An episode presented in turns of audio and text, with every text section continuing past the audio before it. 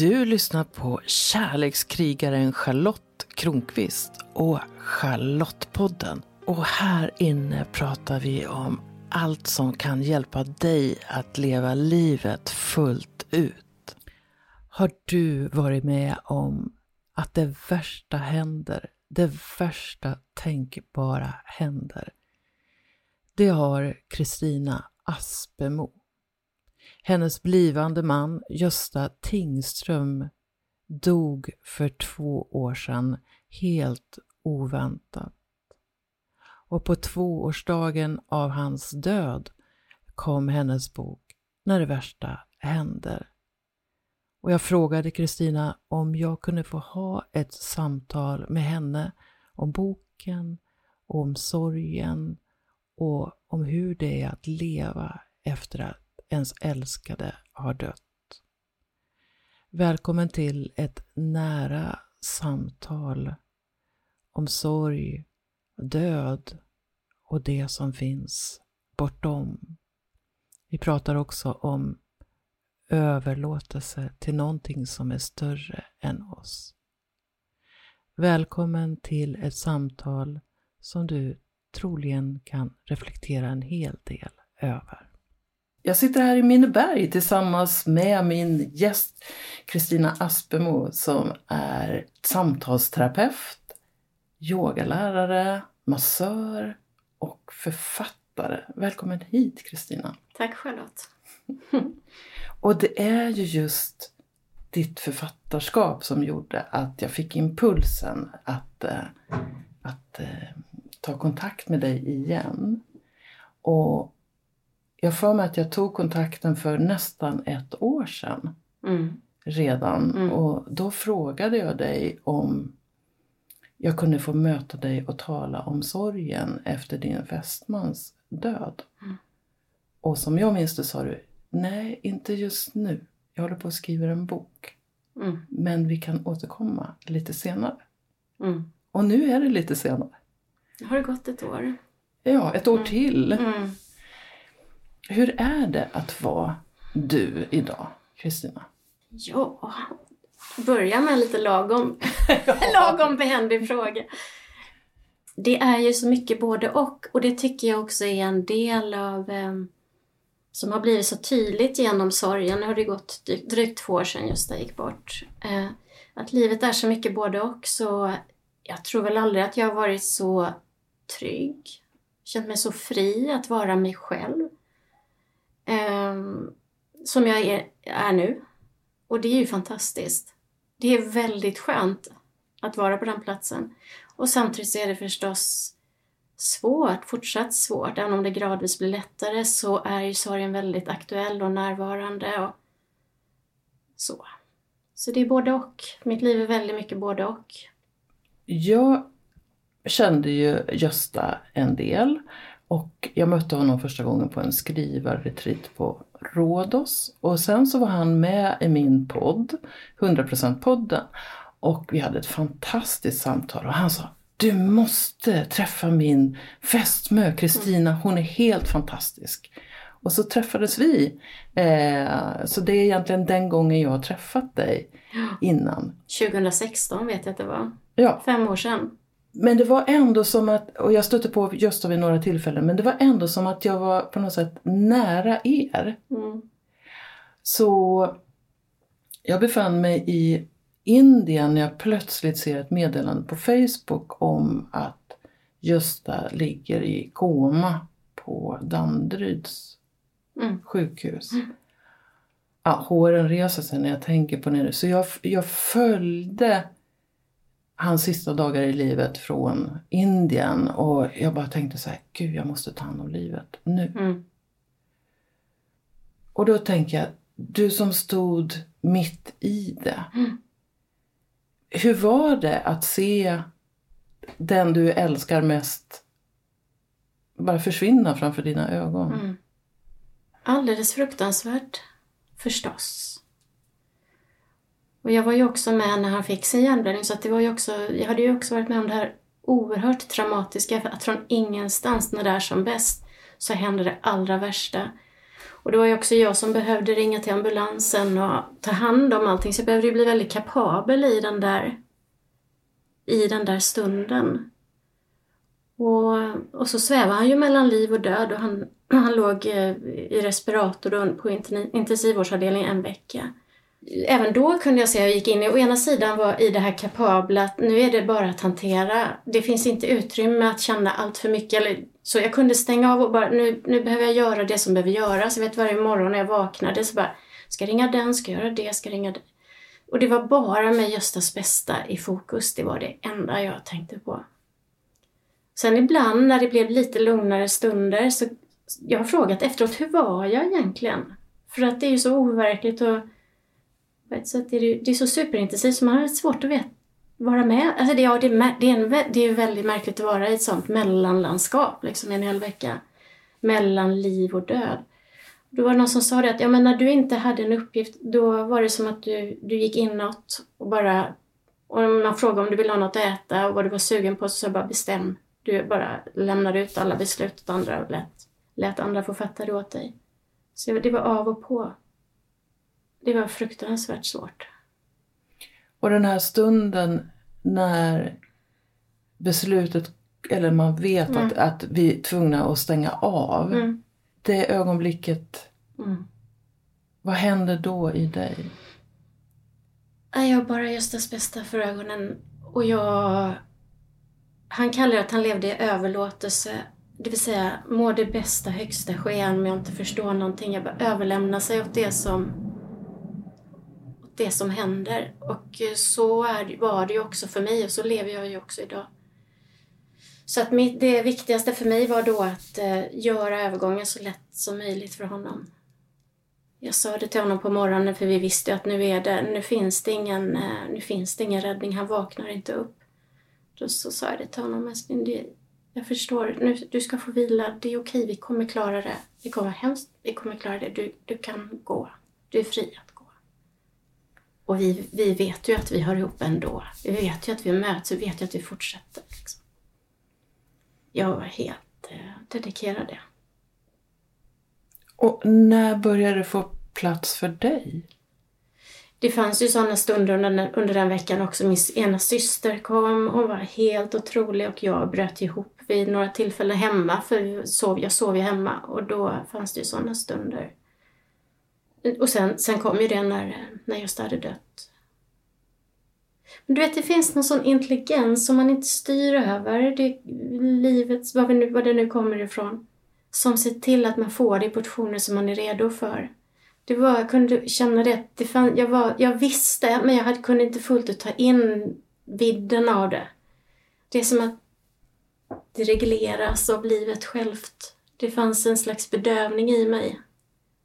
För att du skulle eh, klara av ja, att gå vidare, liksom, fortsätta leva? Jag tänker också om man, vet, om man skadar sig fysiskt, om man får, är med om en, en olycka, säg att du faller i en skidbacke.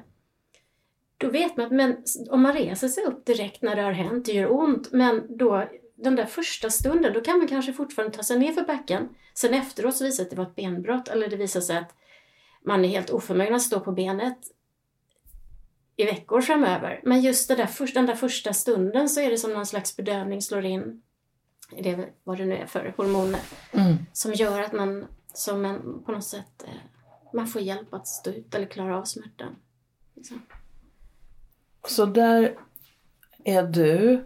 Eh, ni hade en så fantastiskt vacker, mogen kärlekshistoria och mm. eh, jag kommer ihåg att Gösta sa, nej men jag och Kristina ska inte gifta oss och sen kom ni till eh, att ni ville gifta er mm. och, och som, som, om jag läser det rätt så friade han till dig när ni var ute på era lilla ö där ute i skärgården. Ja, vi, vi förlovade oss där, man hade gjort det innan. Men ja. på hösten, bara några månader innan, ja, bestämde vi oss. Bara det, bestämde vi det. Ja. Och så skulle ni ha gift er på sommaren. Mm.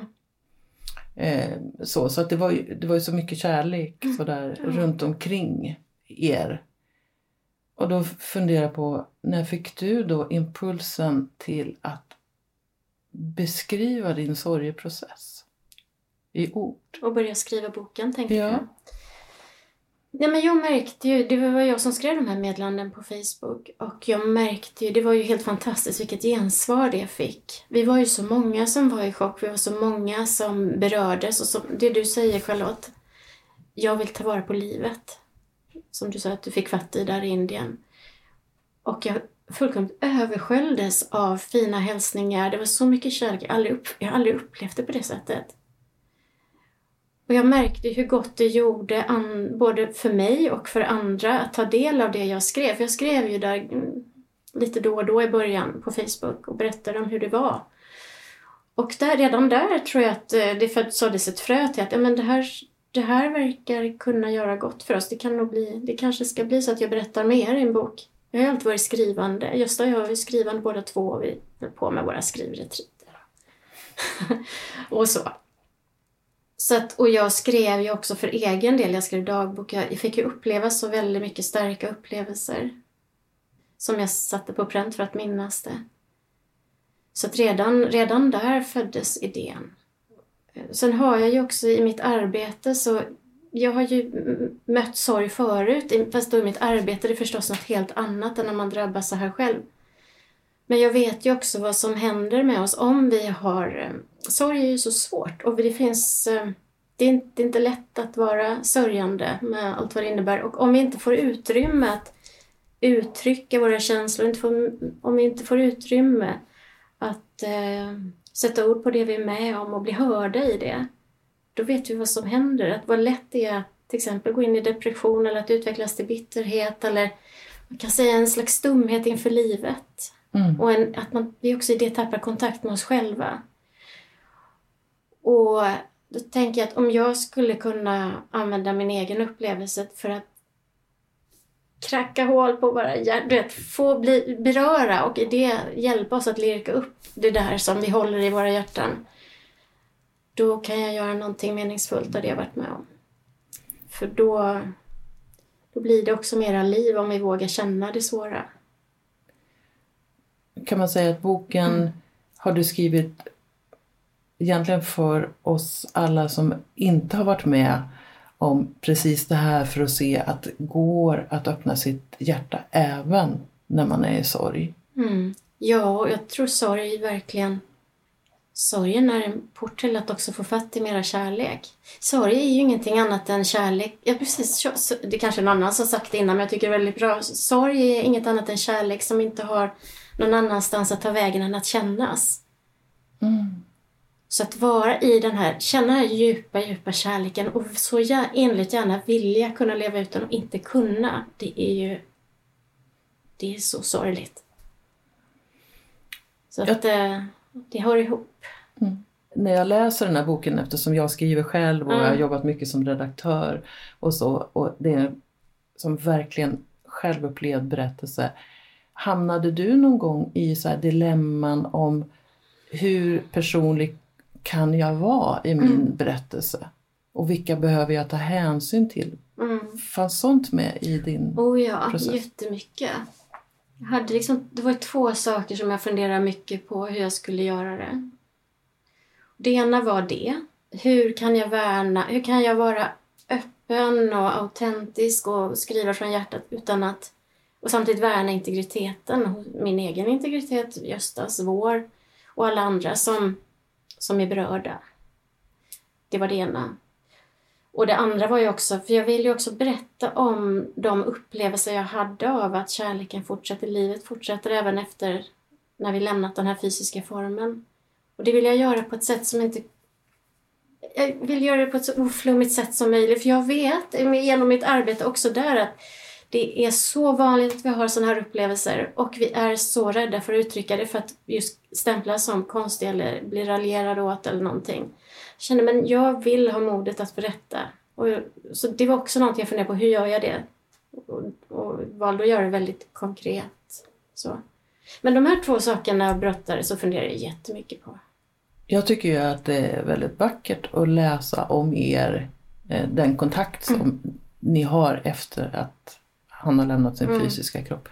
Jag förstod det också så hade ni också sagt till varandra att om någonting händer så fortsätter vi att det fortsätter vara vi på något sätt. Ja.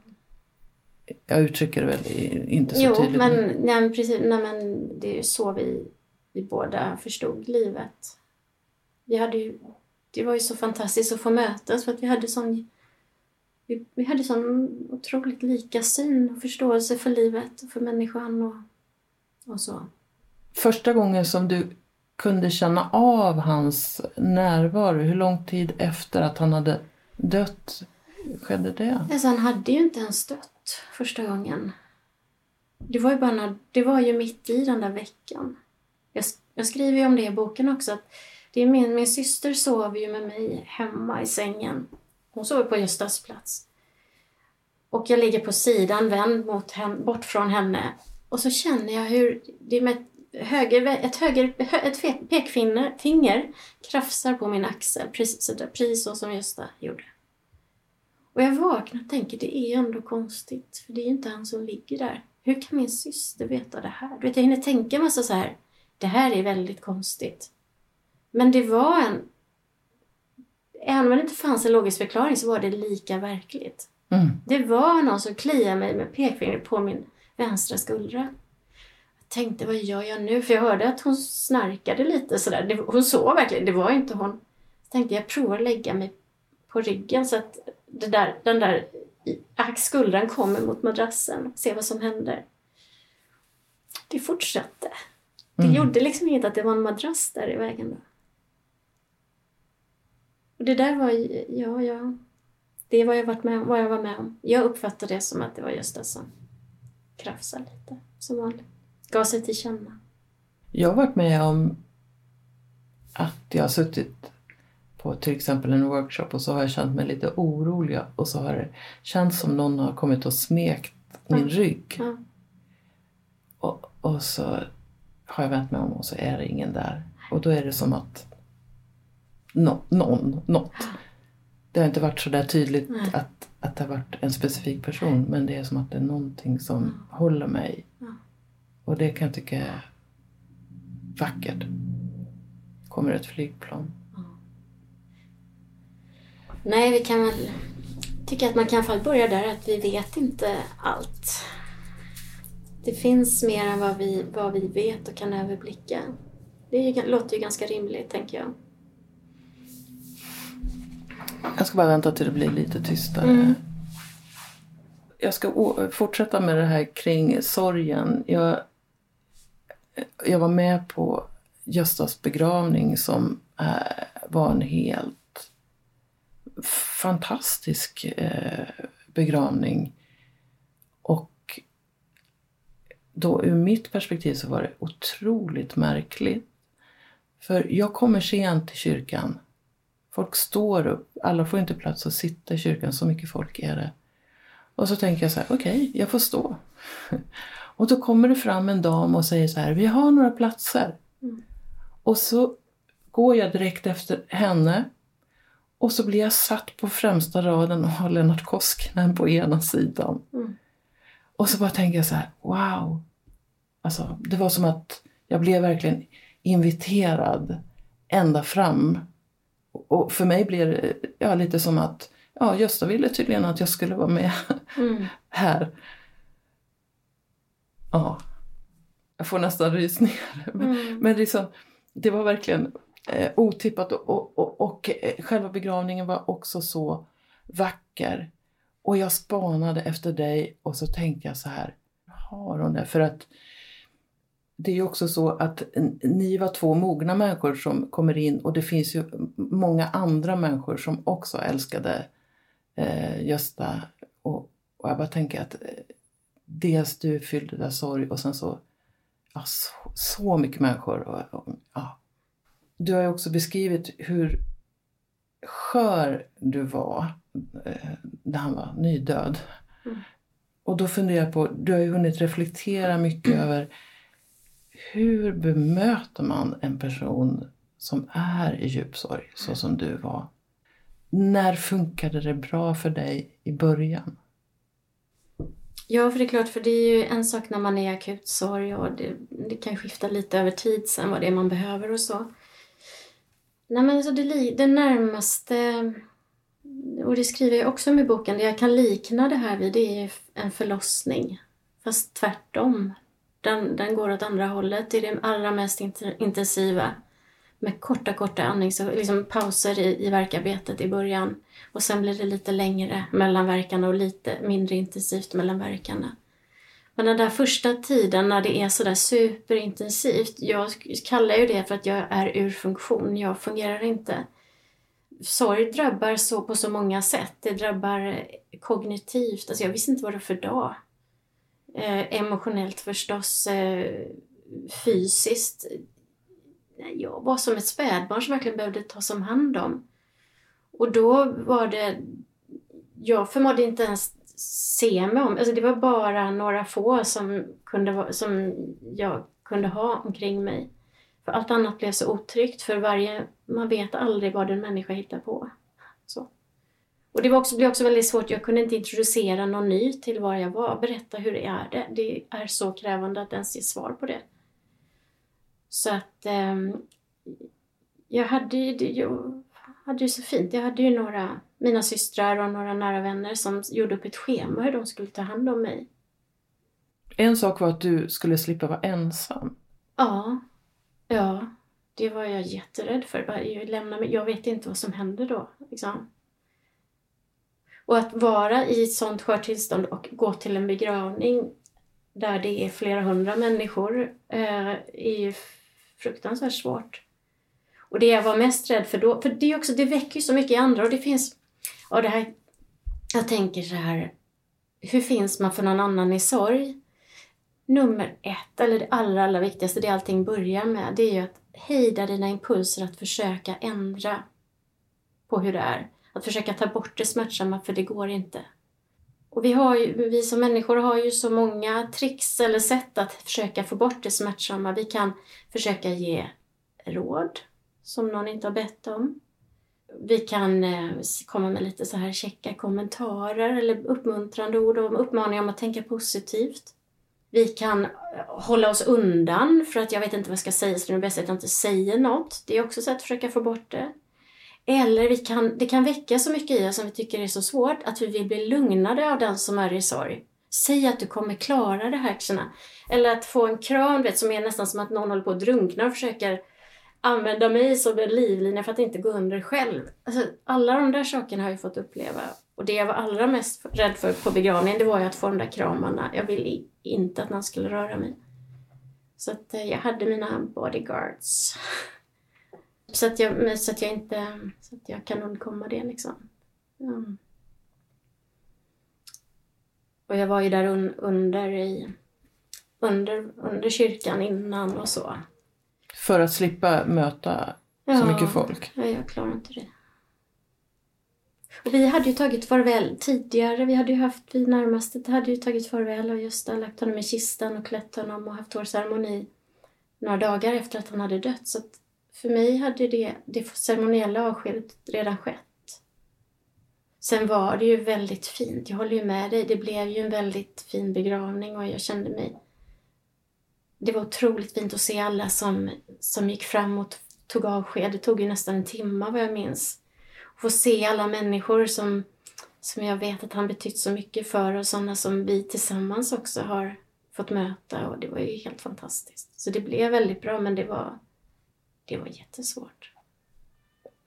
Den här, alltså du pratar om att, att vi som människor har liksom lite olika strategier att mm dels att möta sorg men också att mota bort den. Mm. Det kan ju vara så med, med en del andra känslor också.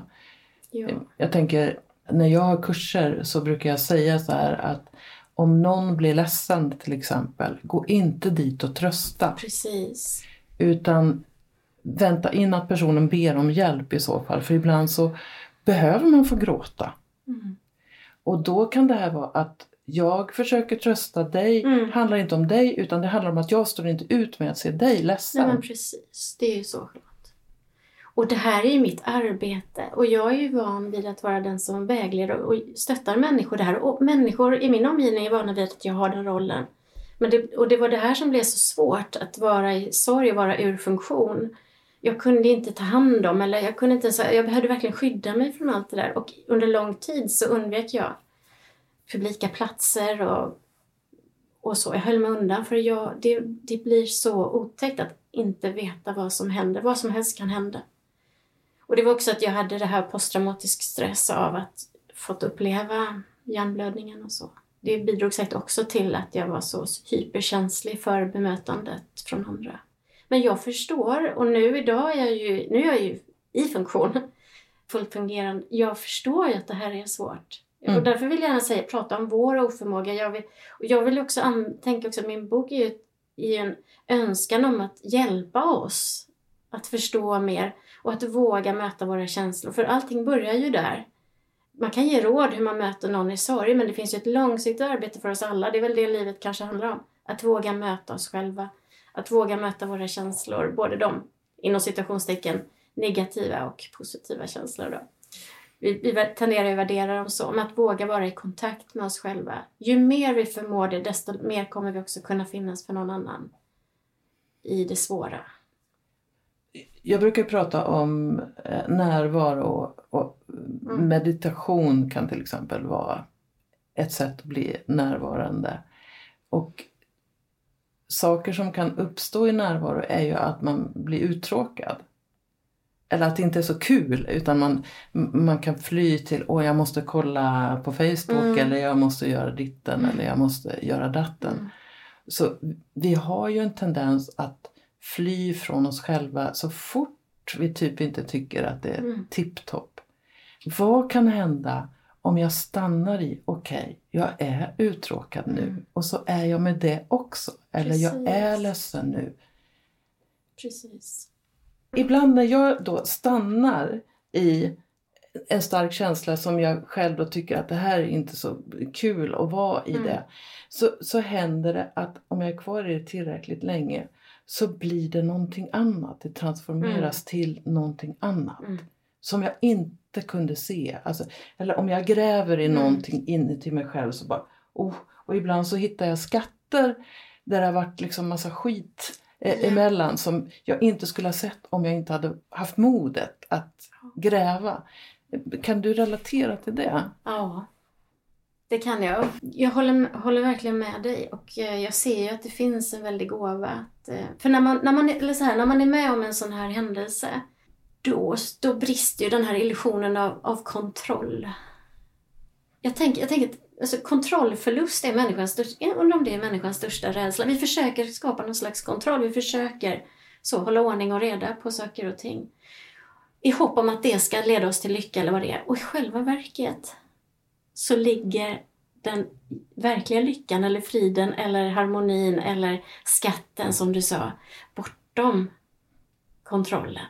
Det här är en väldig paradox, det går inte ihop i huvudet. Men det är ju verkligen någonting jag tycker att jag fått erfara genom sorgen. Att, och det är också gåvan i sorgen, när det händer något så här, när man får en riktig sån här käftsmäll. Fötterna slås undan, man bara dunsar rakt ner i botten. Och det går inte att distrahera sig för det är så våldsamt så att det bara ta emot det som en tsunami liksom. och bara är i det. Då får man en märklig, över tid, det sker ju inte från dag ett till dag två. Sorg tar ganska lång tid ska jag säga. Så. Då får man en bottenkänning och i det, när man har tappat kontrollen så får man också det här skatten i form av mera frid, mera trygghet eller vad det är. Att det är vad jag upplevt i alla fall. När det värsta redan har hänt så finns det inte så mycket mer att vara rädd för. Det, och mitt, mitt behov av kontroll är ju så mycket mindre. Jag lever ju väldigt mycket från i en slags överlåtelse och tillit att det finns. Det är, så mycket, jag, det är så mycket som jag inte kan styra över ändå så att jag gör mitt bästa för att vara, ta vara på livet som det är nu och vara öppen för det som kommer i min väg. Men Ja, jag vet inte om det här ja, var det alltså, du var inne på. Men jo då, den här... Jag, eh, jag är så nyfiken på eh, dels det här med kontroll men också när du säger överlåtelse. Vem överlåter du dig till? Eller vad? är kanske bättre ord. Ja, det är det här ord, ordet på tre, med tre bokstäver som är så laddat med så mycket så ibland när man säger Gud så blir det så konstigt för Då uppfatt, har någon annan laddat det med sina saker som kanske inte alls är samma sak.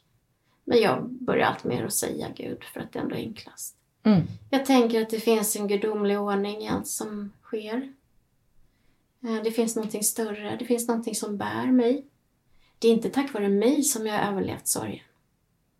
Det är inte jag som har varit någon slags projektledare. Jag, jag har tagit en del initiativ och jag har, liksom, jag har bokat upp ett möte där och jag har gjort saker, jag har gått upp på morgonen.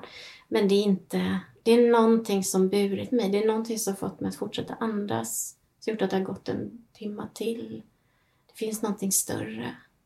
Och när den tilliten får växa så blir det så mycket lättare att leva. Då behöver inte jag ha den där kontrollen. På samma sätt. Jag ska ha kontroll som människa förstås, men jag behöver inte, jag behöver inte leva i illusionen. Jag tror att jag kan ja, styra upp allting som händer. Det är väldigt skönt att slippa det ansvaret. När du pratar om det här så, så känner jag en rörelse i mitt eh, hjärtcentrum. Ja. Bara På ett härligt sätt. Och jag tycker att det här med kontroll är väldigt intressant för att eh, jag menar på att själva idén om kontroll är eh, någonting som vi intalar oss. Vi har inte kontroll. Nej. Alltså vi har egentligen aldrig kontroll. Vi, vi kan ju tro om vi ska gå till ett arbete, ja jag kommer ju gå till arbetet, jag kommer ta bussen och jag kommer göra si. Men det är inget som är säkert. Vi, alltså, men jag tror att, att många strävar efter kontroll bara för att göra livet mer hanterbart på något sätt. Ja. Mindre skrämmande. ja. När jag inser att jag inte har kontroll så är det numera inte skrämmande utan det är mer spännande. Mm. Mm. Jag var med om en situation där jag, jag tog initiativ till skilsmässa men det var en enormt stark resa som jag gjorde där i total kontrollförlust. Och då kunde jag ibland typ se mig själv bara flyta i tillvaron Mm. på något sätt. Det var som att jag var som ett löv så här som, eh, som föll och det var ögonblick som jag var rädd att jag skulle landa hårt. Mm. Och sen så ögonblick som bara så här, ja men det är ju ganska skönt att falla långsamt som ett löv och sen så småningom stabilisera sig tillvaron på något sätt. Och jag blir bara nyfiken, har du någon relation till mörkret? Vilket mörker tänker du då? Nej, jag bara kan tänka på att jag har gjort så här mörkermeditationer. Mm. Då tittar man in i mörkret i Mm. 45 minuter. Det fysiska mörkret Det alltså. fysiska Ja, ja, mörkret. Och, eh, och, och tanken är att man ska kunna komma djupt in i sig själv eller se, vara nyfiken på vad, vad händer med mig om jag tittar in i mörker. Och en del, eh, det här var på en kurs, och en del de, fick spel, fullkomligt spel och var tvungna att lämna lokalen. Och jag kände först lite uttråkning och så kunde jag ha lite här, lite rädsla. Och sen blev det som att, men gud jag är ute i universum, här finns alla möjligheter, det här är Mm. oändligheten. Det här visar att jag är en del av någonting större. Mm. Så det blev ju till ja, någonting helt fantastiskt. Men jag hade inte fått det om jag hade suttit fem minuter. Så jag bara tänker, Nej. mörkret. Mm. Ja, nej jag är inte så mörkrädd. nej, och det här du säger, det vi pratar om det kan man ju veta och man kan vara med på det intellektuellt. Men tyvärr så tycks det ju som att vi behöver få erfara det. Vi behöver få erfara det och vi behöver få erfara det utan någon försäkran om att det kommer gå bra. För det är inte så här, ja men jag är med på att falla till botten en stund och om jag sen vet att det leder till något gott. Då funkar det inte. Så det är verkligen det här att överlämna sig helt. Att det är väldigt, den där övningen låter ju väldigt intressant att just gå in i mörkret för där har vi ju inte kontroll, där vet vi inte vad som ryms och där kan ju vår, vår iver då att skapa en, en kontroll och, och fantasin då hjälpa till att göra det på alla möjliga sätt. Så. Och att stanna i det lite längre än den där första summan, tänka men nu är jag klar med det här, det var så. Precis, alltså man skulle kunna säga att överlämnande är ett sätt att uttrycka, eller det engelska begreppet surrender Mm. tycker jag ligger ganska Mm. nära överlämnande. Och jag mötte någon sån här meditationsguruaktig som heter Amudama och, eh, och då sa jag så här, men jag är mycket i surrender och jag litar på att det liksom slutar bra. Mm. Och då sa hon, då är du inte i surrender. För är du i total surrender så, så har du ingen aning om hu- hur det kommer att gå. Du har inget investerat i utfallet, Nej. eller hur? Och det tyckte jag var så Mm. intressant eh, hållning. Liksom. Men jag tänker så här, jag är inte rädd för surrender. Jag vet inte hur det kommer att gå. Mm. Men jag kan tycka att det är något fascinerande eh, med det. För att om, om man är hela tiden rädd att tappa kontrollen eller Mm. att man så, för, så fort man släpper taget så, så ramlar man i någonting Mm. hårt. Mm. Det, det, det är mörk, märkligt att jag tror att det är många som har den föreställningen. Mm. Då kommer jag in på liksom en tanke på tillit. Mm. För, för någonstans har du väl ha, haft en tillit. Det kanske är överlåtelsen som Mm. skapar tillit eller hur ska Ja, man? jag tror det. Jag, jag har haft tillit genom hela processen. Och tilliten till livet har vuxit under... Så jag, jag är ju väldigt glad att jag har haft, haft den tillgången. Haft den kontakten med, med tilliten genom, genom sorgen. För annars vet jag inte riktigt hur det hade gått. Du vet, det är ju så lätt att gå in i det där, varför händer det här och det är orättvist och man börjar bråka med hur det är. Och jag behövde inte ens, jag, jag gick inte till de frågorna men jag tänker det tar ju enormt mycket kraft att kämpa med det när, när man är, i, är med om, samtidigt och med om något så hemskt och smärtsamt. Tilliten gör det ju lättare, har gjort det och gör det lättare för mig att slappna av, ska jag säga, slappna av även i, i det mest smärtsamma, i det mest svåra, svåra utmanande. Att kunna förbli skapligt avslappnad för det mesta. Sen ibland så, så tappar jag ju det. När min farmor dog, hon dog knall och fall, så var jag som förbannad på henne för att hon dog knall och fall för att Mm. jag inte fick ta göet av henne. Mm. Och eh, jag träffade, jag kommer ihåg jag träffade en kvinna som, hennes man jobbade mycket och som bara dog en knall och fall och hon var så arg på honom. Mm. Alltså länge var, alltså hon, det var som att hon pratade med honom åratal efteråt och var så arg. Alltså, Mm. vi skulle ju fortsätta. Mm. Och då undrar jag så här, är, är, har, du kunnat, eh, har du haft den känslan någon gång och hur, hur har du i så fall hanterat? Arg över att Gösta bara försvann. Mm. Nej, jag har faktiskt inte det. Allt var sagt. Allt var sagt. Det finns, fanns inget sånt. Däremot har jag upplevt mycket il, har jag upplevt ilska som jag också skildrar i boken. Ehm, det var ju, och det, blev ju, det gick ju så, så, så, djupt att jag inte ens ville vara kvar här på jorden just på grund av det här vår, vår, vår, vår mänsklighetens oförmåga att, eh, att finnas för varandra. Så. Mm. Jag var arg på honom också för att han, eh, han sa ju, han fick ju, han fick ju ett varsel några dagar innan om att han, han, vi vet ju mer än vad vi vet, så han visste ju inte att det var ett varsel, men i efterhand kan jag ju se det. Han hade haft några svåra dygn, han var ute själv i skärgården och han sa Kristina, jag vill att du ska veta att det var så jobbigt, jag gick så långt att jag gick till frågan om jag skulle dö nu, hur skulle det vara då? Och jag sa var med den frågan, jag umgicks med den frågan och jag landar i, och det vill jag att du ska veta, att det skulle vara okej. Okay.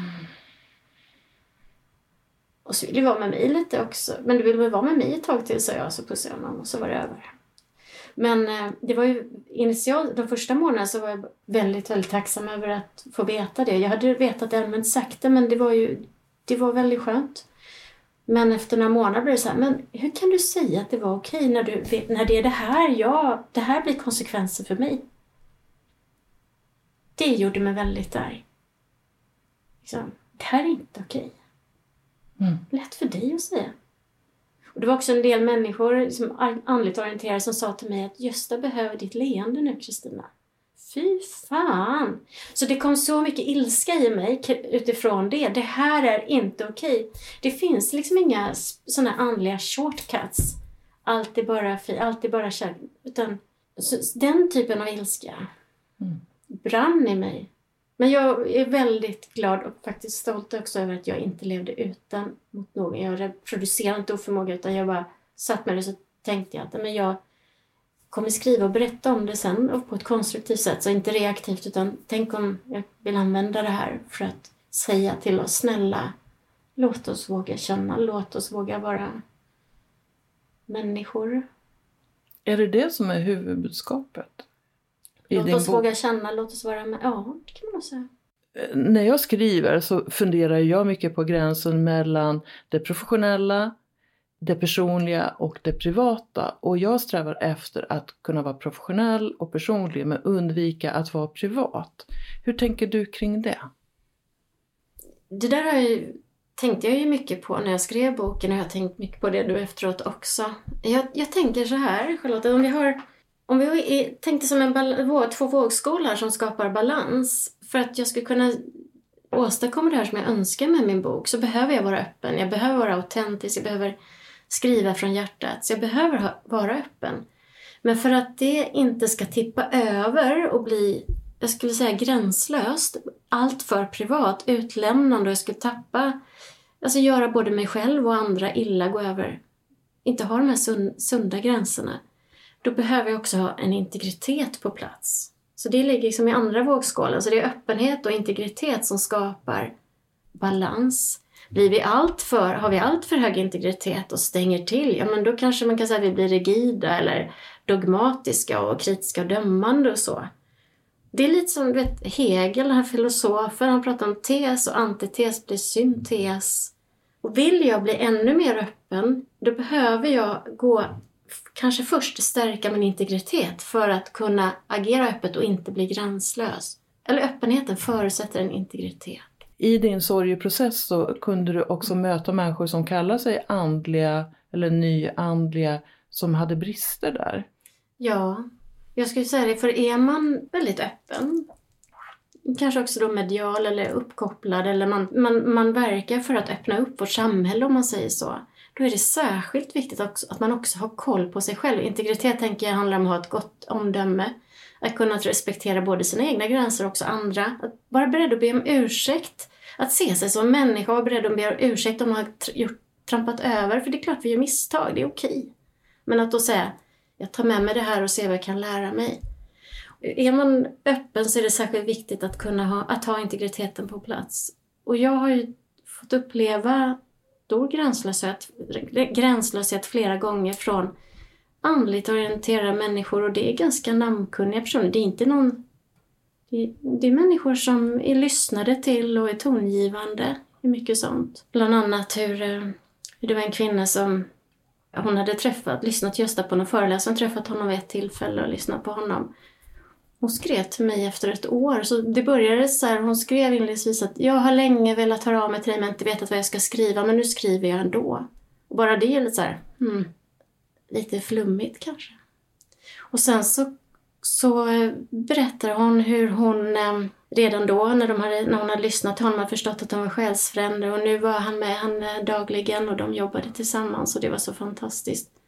Och jag förstår att också ni så som Gösta och jag var själsfränder. Så här kommer en varm kram från mig och en glitterkram från Gösta. Och du vet, ja, jag vet inte hur man kommenterar det. Det var ju fruktansvärt att få ett sånt meddelande och dessutom på tunnelbanan. Jag skulle precis ta emot, åka till jobbet och ha, jobba, ta emot klienter. Det var som att det fanns kameror liksom i, in i sovrummet. Det var fruktansvärt och efter jag svarade henne sen så småningom att du har passerat otroligt många gränser. Eh, jag vill inte att du hör av dig igen. Jag vill inte att du oombedd gör dig till ombud för Gösta eller vara någon tolk i vårt mest privata. Ehm, jag skrev det där, hon, svar, hon svarade aldrig på det. Hon mötte mig med tystnad. Det också. Men hon skrev på Facebook och där, skriver hon, där skrev hon någon dag senare att när man strålar sitt ljusaste ljus då väcks mörkret i andra. Det har jag fått vara med om. Jag blir illamående. Nej men alltså det är så, så sorgligt. Jag tänker det finns ett uttryck, helig vrede. Jag tänker ilska är så jäkla bra. Det är så viktigt att vara i kontakt med den för det är också den som hjälper oss att stärka vår integritet. Att sätta gränser. Så här, liksom. Det är verkligen en vädjan till alla, alla som vill vara med. För vi, det, behövs, det behövs så mycket goda krafter för att öppna upp vårt samhälle göra det mindre hierarkiskt och patriarkaliskt. Och särskilt nu när vi har sociala medier där man kan där man, vem som helst kan få nå ut, så är det så viktigt att vi har koll på hur vi beter oss. Jag tänker att den mest andligt avancerade praktiken, det är att praktisera human love, kanske mer unconditional love. Jag vet inte ens om jag har förstått vad det är. Human love, att ha ett riktigt stort och varmt öppet hjärta och samtidigt ett gott omdöme, att vara villig att se sitt eget, sin egen mänsklighet i det goda och det som också är lite komplicerat. Vara beredd att förlåta både sig själv och andra. Be om ursäkt när det blir knasigt. Liksom, det tror jag är den mest avancerade praktiken vi kan ägna oss åt. Och viktig. Ja, väldigt viktig. Nu är vi i slutet av april när det här samtalet genomförs och boken kom väl i början på året? Ja, det kom 23 januari på tvåårsdagen. Ja. Mm. Och hur har världen gett respons till boken? Ja, jag har fått så fin respons. Det är helt otroligt. Det känns, jag är så glad för det. Det, känns, det ger mig så mycket mening. Jag får jättefina läsarbrev och det har varit en del liksom, lite sådana här samtal som du och jag har och lite intervjuer och så. Ehm, det finns, det finns ju en längtan efter att våga ett, och ett behov och efter att eh, lära sig och förstå mer och så. Ehm, det känns jätte, jättefint. Du är ju samtalsterapeut. Hur kan du ta med dig dina erfarenheter i mötet med andra människor som till exempel är i sorg? Mm. Ja, nej men jag funderar på det. Jag tror inte jag har sett riktigt jag är ju fortfarande i den här processen så att jag tror inte jag riktigt kan överblicka hur det här har påverkat och påverkat och mig ännu. Förhoppningsvis förädlat. Men det jag märker är att när jag låter... Det finns så mycket fantastiska paradoxer med livet. Och de har blivit så tydliga i det här för mig. Och en sån där paradox är att när jag låter mig själv och när jag låter andra få vara precis som de är, när jag inte har några krav eller förväntningar på förändring, då sker den verkliga förändringen. Det här behöver man inte prata om, men jag tror att det är någonting man bara kommer med det in i ett samtal. Och det, det här ska ju egentligen inte jag uttala mig om, men det, den kvaliteten hoppas jag och tror, tycker jag mig ana har stärkts av mina erfarenheter. Både i relation till mig själv men också i mötet med andra människor, klienter och så. Det blir en, det blir en rymd där. Det blir en självläkning där. Det, det händer någonting mm. stort där. När vi, när vi inte kämpar och strävar så mycket. Det var någon eh, andlig lärare jag mötte som sa att när man jobbar med inre arbete mm. så om man försöker skynda på det så går det bara långsammare mm. utan det får ha sin tid. Mm. Och så är man öppen för någonting så kan det hända. Det är lite som när vårblommorna kommer. Vi kan ju inte gå ut och bända upp dem. Liksom. Utan idag drar de ihop sig lite för det är liksom lite snöflingor i luften. Och då säger hon, då får den göra det. Du, bara mm. som en sån där service till dig, tar du emot klienter mm. nu? Mm. Och vart vänder sig en person som ja, vill få hjälp av dig? Då får man jättegärna höra av sig. Jag har ju min hemsida purusa.se P-U-R-U-S-A.se och där har man, hittar man alla kontaktuppgifter och så. Man kan boka både på nätet eller skicka ett mejl eller så. Tar emot i centrala Stockholm och i Stocksund. Och även på nätet i dessa tider. Men det tror jag att det kan nog fortsätta så sen också. Mm. Tack så väldigt hjärtans mycket för att du ville vara med i det här samtalet. Tack så mycket Charlotte. Ja, det var fantastiskt att få möjligheten att prata med Kristina Aspemo om sorg, om bokskrivande, om det som är större än oss och om hur omvärlden kan reagera på sorg och död. Och Kristina når du på www.perusa.se Och nu är det maj 2021 och jag har fått en första spruta av vaccin mot covid-19. Världen börjar öppna sig och jag ser fram emot att till hösten hålla kurser. Men redan nu öppnar jag dörren lite smått för att möta dig som vill bli min klient för coaching eller sessioner. Du kan nå mig via min hemsida charlottekronqvist.org. Varmt välkommen! Kom ihåg att prenumerera på Charlottepodden så att du är med när nya avsnitt kommer. För vem vet vad du kan få lära dig om livet i det avsnittet. Rekommendera gärna podden till en vän så är du med och sprider vetskap om att den här podden finns och berätta vad den ger just dig. Jag skulle bli så glad om du också går in i din podcast-app och lämnar en kommentar eller skriver en recension av podden. Ju fler som gillar podden öppet, desto fler kommer också att hitta den.